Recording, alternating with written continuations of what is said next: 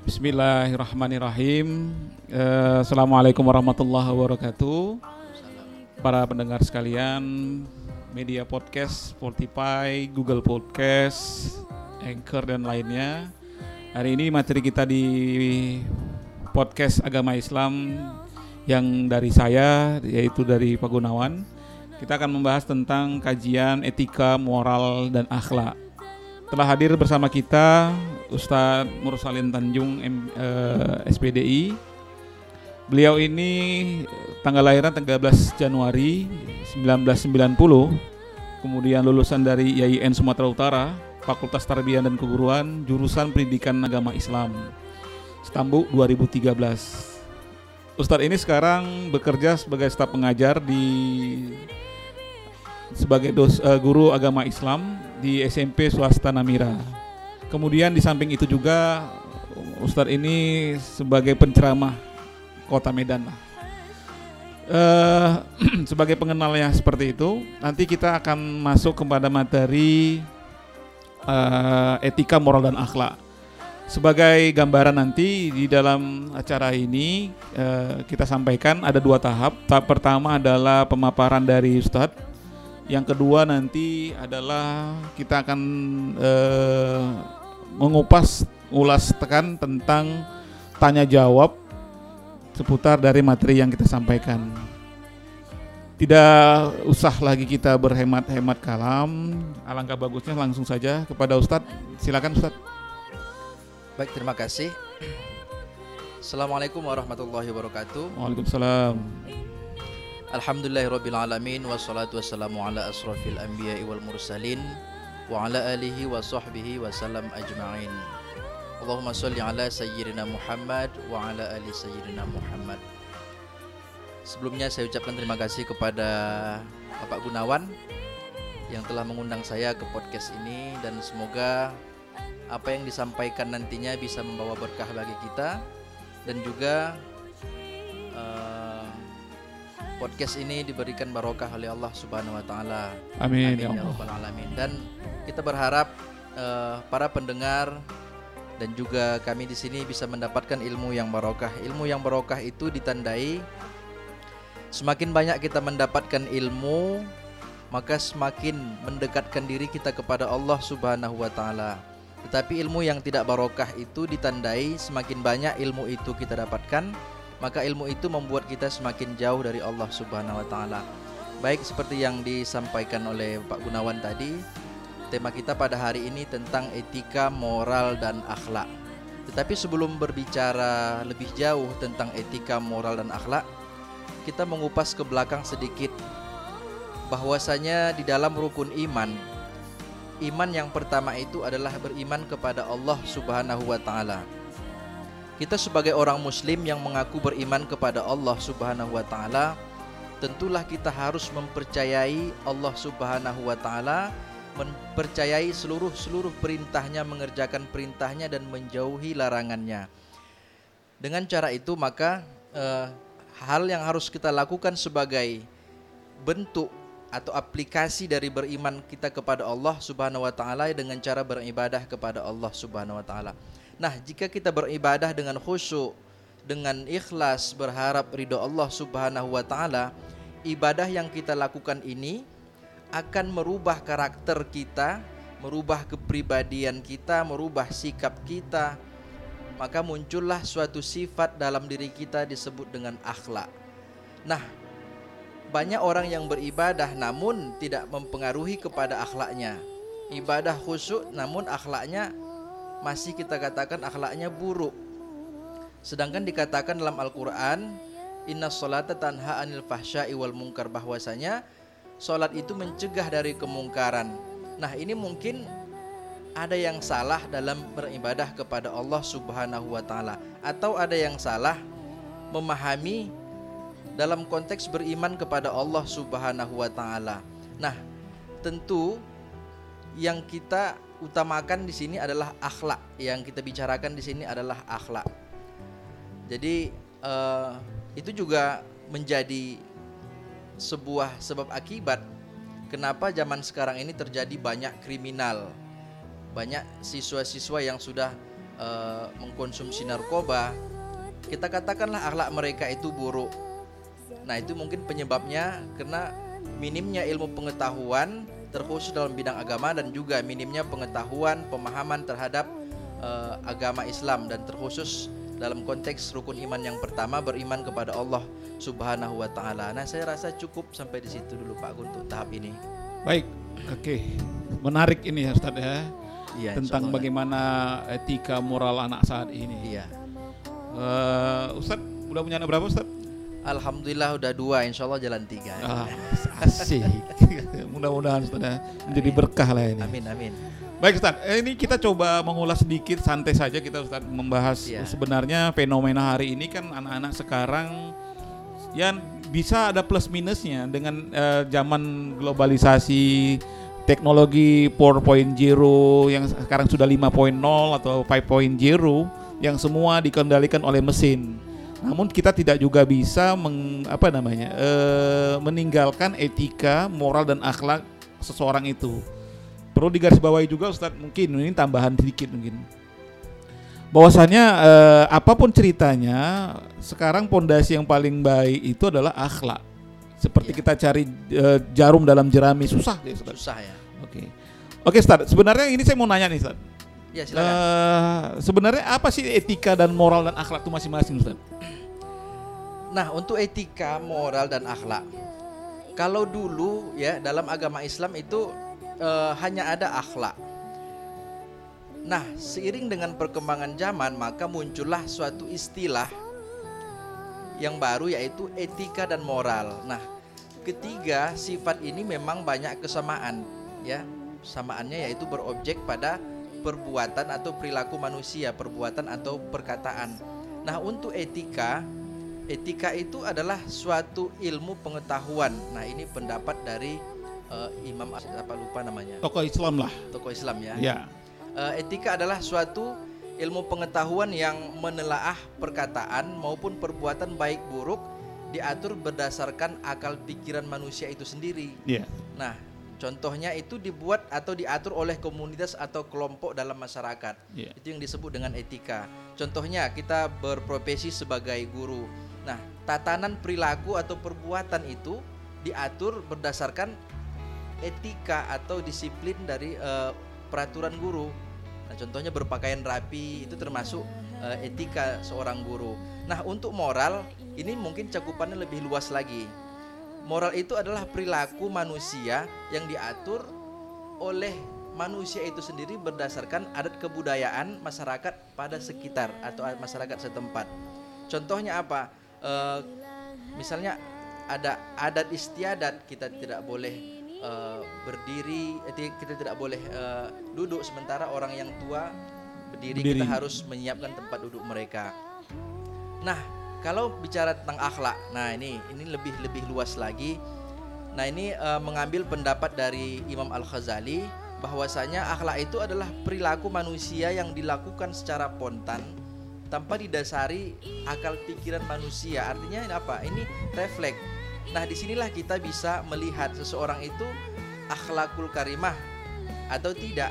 Nah, akhlak ini bagaimana akhlak yang bagus? Akhlak yang bagus itu adalah merujuk kepada ajaran Al-Qur'an dan hadis. Contohnya, kadang-kadang mungkin kita terpeleset mengucapkan sesuatu kata. Nah, satu kata itu baik atau buruk. Nah, itu yang disebut dengan akhlak. Artinya apa? Suatu perbuatan itu spontan, spontan yeah. dia lakukan gitu. Begitu Ustaz. Jadi etika itu adalah yang dalam sekian kecil, moral itu adalah tatanan yang diatur oleh suatu komunitas kecil kelompok manusia. Yeah. Dan akhlak itu adalah secara global yang sudah tertanam lah Ustaz ya. Jadi dia refleks dah. Yeah. Kalau dia misalkan terpleset Allah Akbar yeah. atau subhanallah atau ada yang ada yang cakap kotor. Ada yang cakap kotor atau yang, yang tidak etis yeah. lah gitu. Itu oke okay, oke okay, Ustaz. Kemudian Ustaz, ini kan eh, kalau bicara tentang etika dalam Islam itu sebenarnya bagaimana Ustaz? Kalau etika dalam Islam itu seperti tadi yang saya katakan bahwasanya etika itu adalah ilmu pengetahuan tatanan perilaku manusia. Nah, kalau kita pakaikan etika ini di dalam ajaran Islam, etika itu merupakan uh, tatanan perilaku manusia baik itu perkataan, perbuatan yang berdasarkan Al-Qur'an dan hadis. perilaku-perilaku itu merujuk kepada ajaran yang diajarkan Allah dalam Al-Quran dan hadis. Banyak ya etika-etika Makan dengan tangan kanan. harus yang kita lakukan makan dengan tangan kanan, membaca doa. Itu Dan etika. salah sebenarnya. satunya adalah eh, mencuci tangan. Oh, iya, iya. Ya, mencuci tangan itu eh, juga termasuk etika, moral dan akhlak yang diajarkan. Jadi dalam Islam itu kita dianjurkan untuk mencuci tangan. Iya, Ustaz. Oke. Kemudian Ustaz, tadi kan etika. Sebenarnya ya, turun lagi kepada moral tadi Ustaz. Ya. Kalau dalam Islam itu perbuatan apa yang yang dicerminkan dalam Islam yang berkaitan dengan moral Ustaz? Eh, baik ya tadi kan etika eh, dalam Islam itu seperti yang tadi saya sampaikan dan ini kemudian moral ya dalam Islam moral itu dicerminkan dalam perbuatan yang bagaimana begitu Pak, benar ya? benar Ustaz. Nah seperti yang sudah saya sampaikan di awal tadi pengertian sederhana moral adalah perilaku yang sudah diatur oleh adat istiadat Iya. diatur oleh manusia itu sendiri. Nah kalau berbicara perbuatan yang bagaimana yang merupakan moral dalam Islam artinya itu moral tapi di dalam Islam juga diatur. Nah, seperti itu yaitu perilaku manusia dalam adat istiadat yang tidak bertentangan bahkan seiring dengan ajaran Islam. Iya. Contohnya dalam kebiasaan manusia, adat masyarakat yaitu saling menegur sapa, Pak. Kalau bertemu, mereka saling bertemu sapa, bertegur sapa kalau berselisih di jalan. Nah, sedangkan di dalam Islam juga itu dianjurkan mengucap salam apabila bertemu dan makan bersama dalam keluarga. Iya. Nah, itu jadi seiring mereka moral juga ada, Islam dalam ajaran Islam juga ada. Nah, seperti itu Pak Gun. Ya, aduh menarik nih Ustaz ya.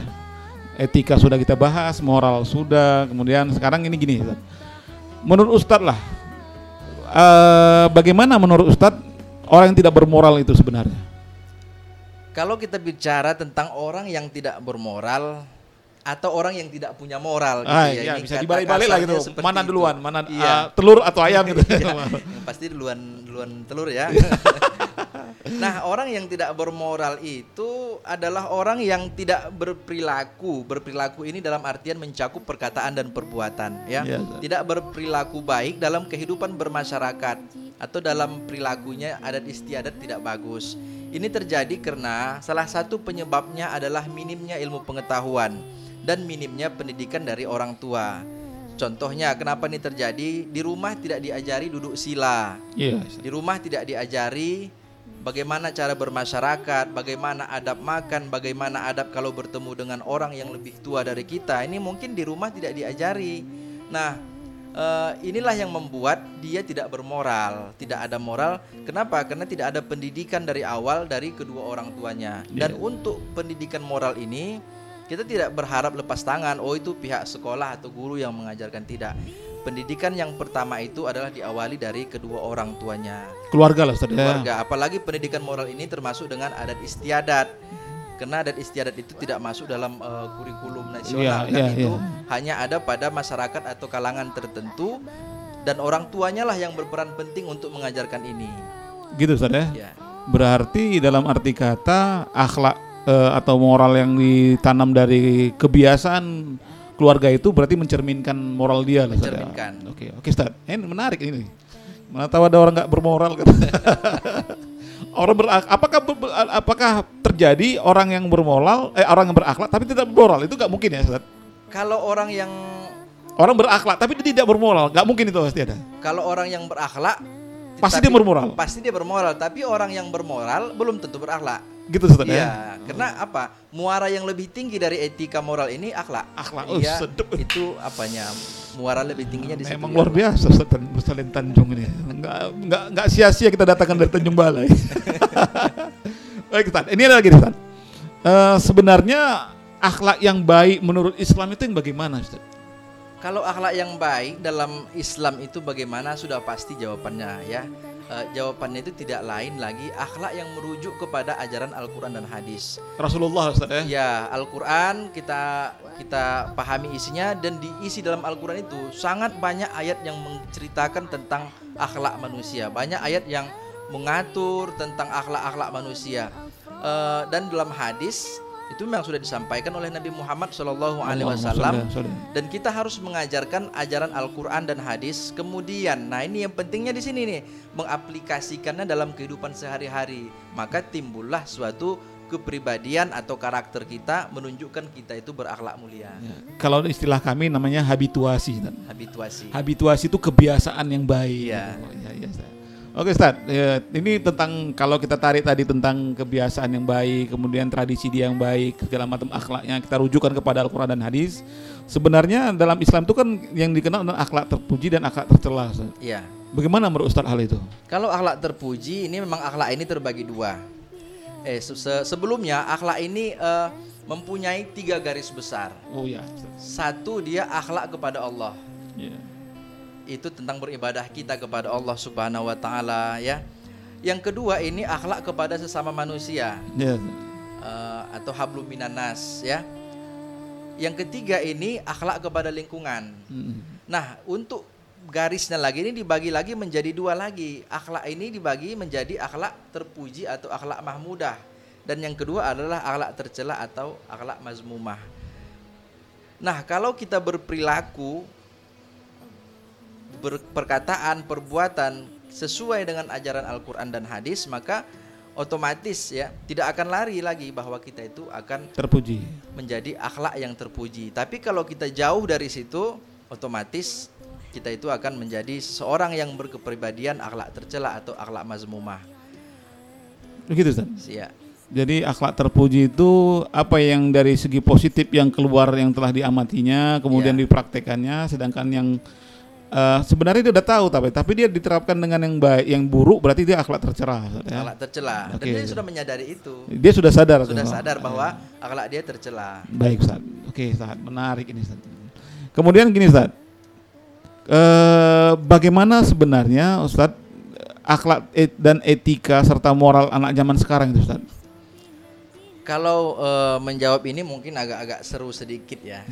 Agak-agak agak ini ya, agak mantap apa agak agak Ya, seram-seram. kenapa? Karena ini memang terjadi sesuai sama kondisi zaman sekarang nih, Oh Pak. iya, apalagi banyak daring Ya. membuat perilaku mereka tambah Daring. luar biasa, tidak terkontrol dan daring juga kan gitu.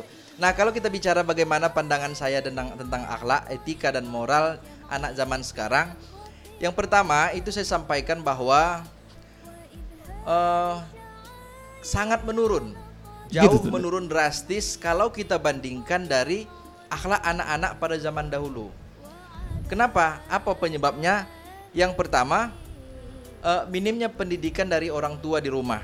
Ini eh, mungkin orang tuanya eh, wanita karir atau broken home. ayahnya juga yang lain-lain sibuk, ada yang broken home dan lain-lain. Sehingga eh, untuk jadwal tatap muka dengan orang tua mereka itu sangat minim. Minim. Hanya hanya tidur bersama mungkin atau di rumah pas lagi malam tuh saat tidur mereka- bersama. Untuk siang hari mereka tidak bersama. Tentu pendidikan dari orang tua yang memang kita katakan ini lebih utama itu tidak didapatkan seorang anak.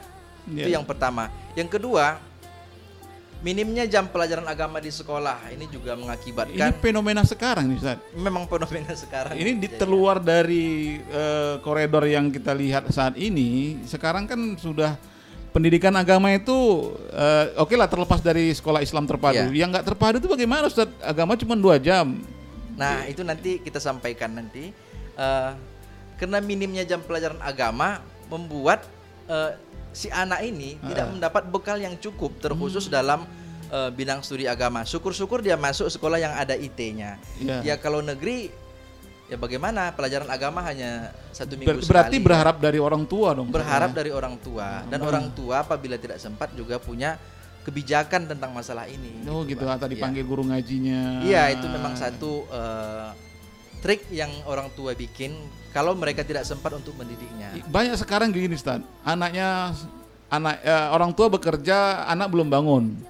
Kemudian orang tua pulang, anak sudah tidur. Nah, ini yang saya bilang tadi kan. Jadi Ini tidak ada ada kebersamaan di situ Iya. sehingga pe- apa namanya? penyampaian etika moral dan akhlak yang harus ditanam dari keluarga itu nggak nyampe Ustaz ya. Iya, tidak tidak sampai kalau kita eh, anak-anak di kita bilanglah di kampung atau pinggiran kamp, pinggiran kota itu masih mending karena rata-rata profesi mereka itu nelayan atau bertani Iya. atau jualan masih bertemu dengan anak mereka mereka itu pergi pagi pulang sore walaupun sedikit banyaknya mereka masih bertemu dengan anak mereka tapi kalau yang di kota apalagi yang sibuk dua-duanya ayahnya sibuk dan eh, ibunya juga sibuk Mungkin ini orang tuanya harus mengambil langkah yang cerdas. Kalau tidak nanti berakibat fatal. Iya, banyak kita pendidikan lihat anak. sekarang Ustadz. Ini saya potong dulu Ustadz. Banyak anak sekarang yang yang yang dengan teknologi ini kan dia melihat dunia ini sudah dibukanya. Ya. Orang melihat sosok figur yang di- disenanginya seperti yang Korea segala macam. Itu yang dicontoh. Itu yang dicontohnya sehingga hal-hal yang buka aurat itu udah lumrah sama mereka.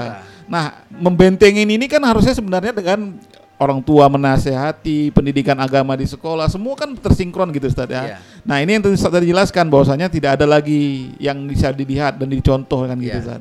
Inilah fenomena yang keluarga yang yang orang yang banyak bekerja Ustaz ya tentang Iya. etika dan akhlak. Oke Ustaz. Nah, kalaulah terjadi Ustaz, ini ada timbul pertanyaan baru ketika Ustaz Iya, ngomong ini. Kalaulah terjadi sudah orang tuanya workaholic, dia lang pagi-pagi pulang malam, kemudian segala macam tahap yang dikejar, anaknya tidak sesuai dengan etika akhlak dan sedang diajarkan Islam. Bagaimana kita menyikapi yang kurang seperti ini, Ustaz? Lingkungan yang buruk seperti ini? Kalau kita menyikapinya ini kita sebagai orang tua nih ya. Ya, Kita orang sebagai orang tua kita punya anak yang sudah terlanjur mempunyai kepribadian Ya. yang buruk bisa kita bilang seperti itu supaya mudah dalam pemahaman. Nah, kita tidak ada kata terlambat dalam pendidikan. Yang harus kita lakukan adalah eh, membekali terus eh, anak ini dengan ilmu pengetahuan agama. ya. Nah, bagaimana kalau dia sudah eh, taman SD, mungkin dia sudah ingin bermain dengan teman-temannya. Kita harus tegas sebagai orang tua dan juga kita harus siap berkorban. Karena sedikit saja kita salah langkah ini bisa berakibat fatal. Salah satunya adalah eh, kita memasukkan anak itu ke pesantren. Itu salah satu kiat. Kenapa? Ke harus ke pesantren. Kalau dia sekolah nanti pulang lagi ke rumah, mungkin dia akan berbaur lagi dengan lingkungan, yang Lingkungan. seperti itu. Tapi kalau dia sudah berbaur dalam lingkungan religi Islam, Iya. yaitu pesantren, mungkin eh, kita tidak usah berharap lah dari ilmu yang dia dapatkan. Paling tidak akhlaknya bisa bagus. Keterbiasaan dia tuh, Iya, ya. kebiasaan mulai disiplin, Iya, iya. bangun pagi dan lain-lain disiplin ibadah. Kita nggak usah berharap tentang ilmunya, penting akhlaknya sudah dapat siap, gitu. Siap, siap, siap, Ustaz. Jadi itu soal solusi ya. Iya. Kalau seandainya kita tidak bisa mendidik secara langsung, ya panggil orang. Panggil orang. Atau kita mencarilah pendidikannya yang bisa membentuk karakter akhlak ya, gitu Ustaz. Oke, oke. Itu mungkin salah satu option pilihan Ustaz ya. Ketika anak sudah terlanjur, terlanjur Iya. tadi. Ini, ini cerita terlanjur nih. Terlanjur ya. tadi tuh. Oke. Tapi kalau untuk dari awal Dari lagi. awal ya kita kita sebagai Iya. keluarga, kepala rumah tangga, sebagai orang yang mengerti itu membentengi itu semua. Ustaz. harus berkorban kita Harus waktu berkorban. jam kerja juga harus kita kurangi. Oke, oke Stan. Ini eh, eh, mungkin para pendengar dari pembelajaran Payang tidak hanya dari mahasiswa bisa menjadi petik eh, menjadi apa ya eh, rujukan lah bagaimana mereka bersikap kepada anak atau keluarga ataupun saudara yang etikanya atau akhlaknya kalau orang sekarang ini bilang attitude, Attitude ya. attitude. Oke, Ustaz. Gimana gini, Ustaz? Di kalaulah kita kan dalam kegiatan bersosial masyarakat melihat ada kadang-kadang orang di depan kita bayi, di belakang kita menikam segala macam. Sebenarnya kita melihat meli- eh, cara kita melihat etika moral akhlak seorang itu bagaimana, Ustaz? Kalau kita cerita menilai ya, Iya, Ustaz. ini mungkin eh, ternilai nih Pak, bukan ada sengaja menilai ya. Karena kalau kita sibukkan pun diri kita menilai orang lain itu salah. Gitu. Nah, kita harus lebih sibuk menilai diri kita. Iya, Tapi iya. kadang eh, timbul ya firasat kita untuk menilai dia gitu. Iya, iya, iya. Supaya apa? Supaya untuk membuat referensi kita apakah pertemanan ini dilanjutkan? Manusiawi lah, Ustaz. Manusiawi kan Kita lihat gitu. orang ih, kita mau dilihat itu, dilihat tuh, gitu-gitu. Nah, kita bicara tentang akhlak. Kita Iya. menilai akhlaknya. Kalau menilai akhlak ini gampang, tapi kalau untuk menilai etika ini lebih sulit. Etika moral kenapa? Dia bisa eh, Diselipkan gitu, Ustaz. disamar-samarkan. dia. Disamar-samarkan. Iya, Ustaz. atau dia bisa pencitraan. Boleh, boleh ya, ya, ya ya. ketika ada orang rame dia mungkin lebih lebih bagus etikanya. Kalau- Tapi kalau akhlak ini tidak bisa disembunyikan Nampak dia. karena refleks berdasar tanpa ada pikiran Rekayasa manusia, ya? rekayasa. Seperti yang saya contohkan tadi. Ketika dia jatuh kepleset itu spontan mengucapkan sesuatu. Atau Iya, kita iya, lihat iya. dia eh, lagi apa? Lagi berbicara. Lebih mudah kita lihat dia lagi berbicara.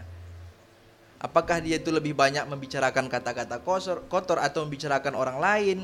Ya, dan lain atau berperilaku itu gampang sekali kita nilai. gitu Ustaz ya. Jadi kita menilai ini bukan berarti kita menggibah Ustaz, tapi Ya. kita menjadi referensi dia kenapa bisa baik gitu. Kalau kita cemburu hal yang baik boleh lah Ustaz ya. Boleh itu memang dianjurkan. Ya, tapi kalau cemburu dengan yang Iya, dan untuk menghibah ini Pak, memang ada ada bagian-bagian yang tidak semua gibah itu haram. Oh gitu Ustaz. Iya, ada yang kita ceritakan kejelekan dia supaya untuk was-was. Ya. Contoh ya, kita ceritakan kepada anak kita atau istri kita, eh hati-hati ya, itu si A itu baru keluar dari penjara. Kejahatannya seperti ini, seperti ini, seperti ini. Hati-hati, itu boleh. Boleh dalam Islam. Sebagai warning Iya. ya. Tujuannya adalah untuk eh, jaga-jaga. Yang Iya. kedua kita ceritakan kejelekannya. Contoh kita mau bertamu ke komplek perumahan. Mm. Tapi kita nggak tahu nih Pak rumahnya. Kita bertanya sama security. Mm-mm. Kita buat aja namanya contohnya A si A. Ah, Kita tanya sama security, Pak eh, rumah si A yang mana? A yang mana Pak? Ini A ada dua. Oh A yang satu lagi ini hitam pendek bulat. Nah kan gitu. Iya. Artinya kita sudah menceritakan tentang kejelekannya. Kejelekannya. Tapi itu dibolehkan Pak. sebagai identitas mungkin. Iya. Ah, iya iya iya iya iya. Asalkan jangan jadi cacian. Jadi Eh, cacian. gitu gak boleh. Eh buntal katanya. Iya, kan? itu, itu itu beda tipis itu berarti Beda, beda. Kalau keperuntukannya untuk mencaci mencela berarti tidak boleh. Iya, tapi Oke. untuk identitas boleh. Iya. Itu boleh Ustaz ya. boleh. Ma- mana rumah Bapak yang ompong itu? Oh, Ah, itu. boleh, iya. Boleh. Iya iya iya. Benar benar benar. Baik Ustaz, Eh, ada sedikit lagi lah nih Ustaz ya. Tadi kita menilai bagaimana etika moral seorang itu kita nilai bagaimana itu udah kita jawab. Iya. Kemudian eh apa nih? Ustaz? Kalau seandainya etika dan akhlak seorang itu kan hati ini kan iman jangankan eh, hati iman itu kan naik dan turun Ustaz ya. Ya naik turun. Ada nggak akhlak atau moral orang itu naik turun juga Ustaz?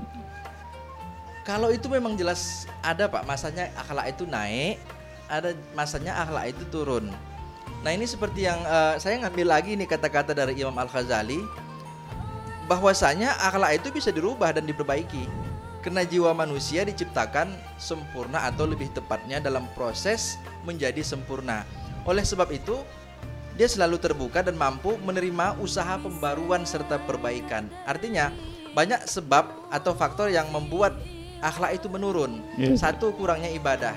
Iya, Ini iya. bisa dipastikan akhlaknya juga menurun. Yang kedua, kurang eh, berteman dengan orang yang berakhlak mulia. Iya. Dia berteman dengan eh, misal orang yang pemabuk, penjudi, otomatis akhlak yang dari awal bagus tiba-tiba menurun. Kenapa? Sistem lingkungan yang membuat dia berbeda. Karena kita ini kan bukan ikan, Pak ya. Iya. Kalau ikan kalau ikan dia nggak bisa berbaur ketika dagingnya tawar masuk di rasin dagingnya Ya, tetap tawar. tawar. Iya. Ya, ya. Tapi kalau manusia beda, sedikit tidaknya pasti mempengaruhi. Gitu Ustaz ya. Iya. Berarti ikan nggak bisa dipengaruhi ya. Nggak bisa dipengaruhi dagingnya. Walaupun da- walaupun dia di asin tetap tawar hasil. tetap tawar dagingnya. Oh, gitu ya. Iya. It- itulah ke- keistimewaan ikan tuh ya. Keistimewaan ini. Tapi beda sama manusia ya. Kalau manusia langsung terpengaruh dia. Iya iya iya iya iya iya ya. Baik Ustaz. Oke. Tadi dari tadi kita bicara tentang etika, moral dan Iya. akhlak. Sebenarnya eh, hal ini juga harusnya kita bahas juga eh, yang harus diketahui dari orang yang baru rumah tangga, kemudian orang yang yang mencati jati diri yang bagus bagaimana. Iya. Nah sekarang ini kan eh, sebenarnya apa yang kita bahas ini kan adalah berujuk kepada etika Rasulullah Ustaz ya. Iya.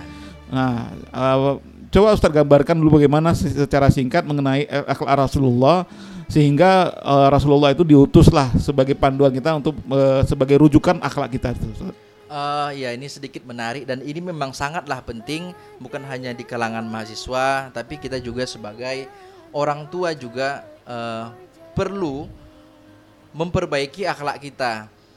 Siapa contoh kita? Karena eh, banyak sekarang orang yang memberikan contoh kepada anaknya namun tidak bisa Pak menjadi contoh. Ah, Dia, eh anak ini gini seperti ini, namun dia tidak mempraktekkan. Nah inilah bedanya dengan Rasulullah. Gitu, Kalau ya. Rasulullah Shallallahu Alaihi Wasallam dia memberikan contoh kepada umat-umatnya dan di samping itu juga dia memberikan contoh menjadi contoh kepada umat-umatnya. Nah, bagaimana kok bisa Rasulullah Shallallahu Alaihi Wasallam ini dengan akhlaknya diutus ya di dunia ini? Memang itu skenario Allah. Iya. Kenapa? Karena dari kecil Rasulullah itu sudah dibersihkan dari sifat-sifat jelek. Bahkan dia Hmm. dijauhkan dari eh, sesuatu maksiat. Iya. Itu iya. seperti yang mungkin mahasiswa-mahasiswa lain juga sudah tahu kisahnya bahwasanya ada temannya pengembala kambing mengajak dia untuk nonton kalau sekarang namanya konser atau keyboard Iya, ya. iya. Tapi kena izin Allah begitu sampai acaranya belum mulai dia sudah tidur. Nah, sampai dia bangun acaranya Sudah selesai. eh, bukan ya, eh, acaranya sudah selesai dia masih tidur. Hmm. Sehingga apa? Allah masih menjaga pandangan dia dari hal-hal Hal yang, yang tidak negatif, bagus. Sampai iya, iya. seperti itu Allah menjaganya. Makanya eh, Allah sudah menempah Nabi Muhammad Shallallahu Alaihi Wasallam dan Allah katakan itu dalam surah Al-Ahzab ayat 21. Laqad kana lakum fi Rasulillah Uswatun hasanah. Nah, itulah sebagai eh, penerang kita dalam masalah akhlak Nabi Muhammad Shallallahu Alaihi Wasallam. Iya, iya, iya, iya. Menarik nih, Ustaz.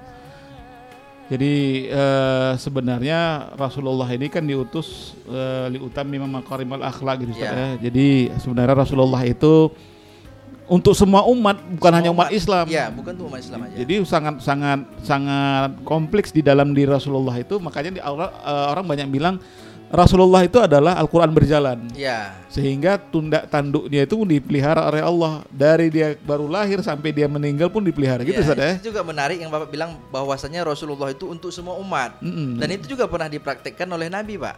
Gimana Ketika eh, dia lewat ada yang meludah sama dia. Ketika Oh. lewat ada yang meludah. Tiba-tiba pada hari itu tidak ada yang meludah lagi sama Iya, dia. iya, iya. Ditanya sama tangganya ternyata yang meludah sakit dan yang meludah itu orang yang bukan beragama Islam. Hmm. Dan yang kedua yang ketika dia yang menyuapi seorang yang Buta. buta, di, di Iya. apa? Kalau sekarang namanya dipajak. Heeh. Nah itu merupakan contoh bagi kita bahwasanya Rasulullah diutus itu bukan hanya untuk orang Islam, Iya, iya. untuk Banyak semua umat. Iya, banyak memang kisah-kisah yang Banyak, yang banyak, menceritakan iya. tentang akhlak Rasulullah Iya. itu. Padahal orang eh, Yahudi itu sangat benci. Sangat benci. Ternyata dia masuk Islam gara-gara itu. Jadi eh, kefleksibelan serta konfliknya agama Islam ini sehingga akhlak hal-hal yang kecil itu saja dari bangun tidur sampai mau tidur lagi dia diatur Ustaz ya. Bahkan dalam hal kamar mandi pun WC juga diatur. Iya, iya, iya, iya, iya. Sampai segitu memang. Ya, Ustaz. Ini terakhir Ustaz. Ya. Saya bertanya nih Ustaz. Sekarang kan tadi di awal kita sampaikan sekarang ini ada adalah ada udah sudah berjalan kepada teknologi 5.0. Kalau kalau handphone sekarang udah 5G. Ya. Nggak gena-gena bukan 3G lagi ya Ustaz ya. Nah, dari era 4.0 dan 5.0 ini ini adalah namanya modernisasi dan globalisasi. Sebenarnya eh, apa yang harus kita persiapkan? Kemudian apa dampak nanti kalau seandainya kita tidak persiapkan terhadap anak-anak dan eh, generasi muda saat ini terhadap modernisasi dan globalisasi tadi Ustaz? Oke ya, jadi ini juga memang memang agak agak memang seperti keadaan sekarang ini. Ya, jelas, tema Cerminan. Bapak yang pilih ini memang seperti. tapi perlu saya sampaikan dari awal bukan hanya anak-anak dan remaja Pak yang bisa kena dampak modernisasi, tapi juga sekarang ini orang tua juga banyak. Oh, iya ya banyak di TikTok TikTok itu TikTok jangan juga kan sekarang. anak muda, orang tua, Orang tua juga banyak. dewasa pun juga. tercemar dia. Iya, iya, Kenapa? iya. Eh, dampaknya ini Pak sangat luar biasa ya. Eh, apalagi sangat berpengaruh kepada akhlak. Kalau kita lihat seharusnya apabila ilmu pengetahuan itu semakin maju, tentu akhlak juga semakin maju. Iya. Tetapi terjadi hal yang tidak diinginkan. Ilmu pengetahuan maju luar biasa tapi akhlak jauh lebih menurun. Nah, dengan adanya internet ya, internet kita bilang Iya. eh, semua orang bisa mengakses Akses. bahkan sampai ke luar negeri Iya. dan tidak ada lagi batas-batasan Iya. dan semua yang mereka sukai seperti yang Bapak sampaikan tadi mereka cenderung men- mencontoh itu Hmm. ada sesuatu eh, artis yang mereka idolakan mereka akan mencontoh itu oh ternyata di barat seperti ini tidak masalah karena sudah seringnya masuk ke Indonesia jadi Indonesia juga menganggap itu hal yang sudah biasa Iya, seperti apa membuka aurat Iya. ya berjoget-joget di depan umum itu mungkin bukan budaya timuran kita itu Iya. budaya barat dan itu dicontoh anak-anak Indonesia Saat ini kenapa ya. dan orang tua Indonesia juga menganggap itu sudah hal yang biasa Hmm. Nah, jadi dengan adanya eh, seperti itu mereka sudah gampang mengakses apalagi kalau eh, keluarga-keluarga yang berada di kota itu tidak ada kontrol dari orang tua Oh, gitu. mereka sudah satu kamar sendiri ketika pulang sekolah malam anak itu langsung masuk ke kamar tutup pintu kamar Iya, iya. Nah, mereka bebas melakukan hal yang mereka mau di dalam kamar tanpa adanya kontrol dari orang tua.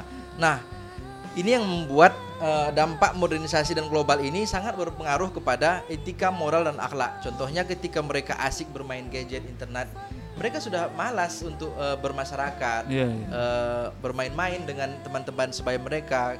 Kalau zaman dulu Pak kan ada namanya duduk-duduk di pinggir jalan sore Iya. main gitar-gitar. Iya. Kalau sekarang itu sudah sulit Pak kita jumpai. Iya, iya. Nah, itulah yang membuat mereka asik dengan dirinya sendiri sehingga lambat laun akhlak mereka juga akan semakin menurun. Ya, nah, ya. seperti itu, Pak.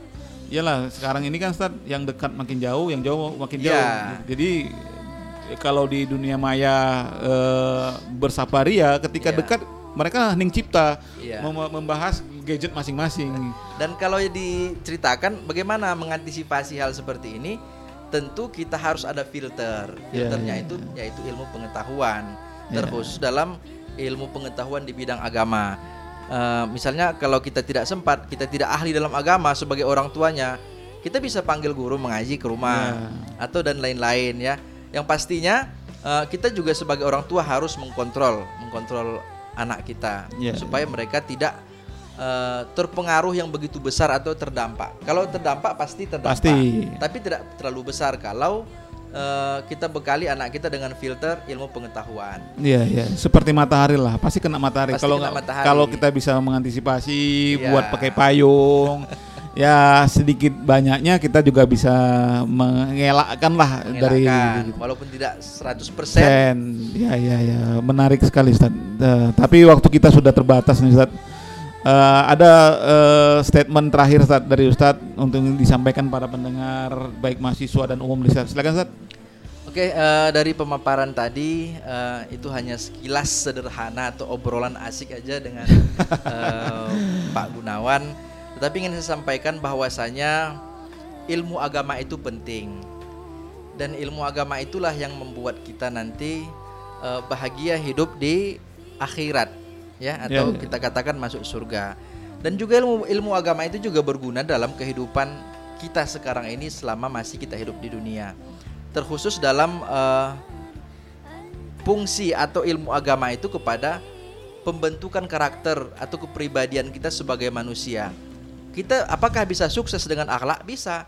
Banyak orang yang sukses dengan akhlak yang mulia. Dengan contohnya apa? Kejujuran. Itu sudah Iya. banyak kita saksikan menemukan uang lalu dikembalikan lalu diangkat dia menjadi yang lebih tinggi lagi nah seperti itu. Mungkin itulah yang harus kita giatkan yaitu teruslah belajar ilmu agama, teruslah beribadah kepada Allah Subhanahu wa taala dengan niat ikhlas karena Allah, insya Allah Allah akan beri berkah kepadanya dan akan muncul suatu sifat atau karakter dari diri kita yaitu berakhlak mulia. Ya gitu Ustaz ya. Ya. Aduh, menarik nih Ustaz. Kalau saya boleh menambahkan sedikit nih Ustaz. Ya, silakan, Jadi Pak. jadi sebenarnya apa yang kita sampaikan hari ini adalah eh, sebagai kalau bisa digambarkan eh, panduan atau guidance itu bisa saja Ustaz ya. Ya.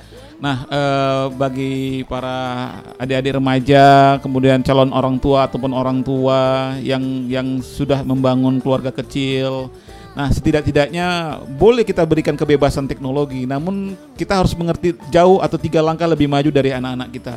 Bagaimana mensiasati, melindungi atau melindungi koneksinya, boleh dia biar dia tidak kan Rasulullah juga ngomong gini didiklah anakmu sesuai dengan zamannya kan Iya. gitu. Nah, tapi boleh kita kasih dia gadget segala macam, tapi kita jadwal juga, kita batasi juga penggunaan-penggunaannya, kita pantau juga segala macam. Mungkin ini sedikit apa namanya? sedikit eh, menyeimbangi dan tidak kebablasan kepada Ya. hal yang negatif gitu Ustaz ya. Karena Kemudian ketua lebih hebat harus lebih hebat daripada anggota. ya gitu ya ya betul betul. Jadi kita harus du- dua langkah. Kalau saya di sini Ustaz, kalau saya di rumah ini eh, ini sedikit share aja. Iya, iya. Saya buat jadwal di sini. Orang tu- eh, istri saya juga buat jadwal.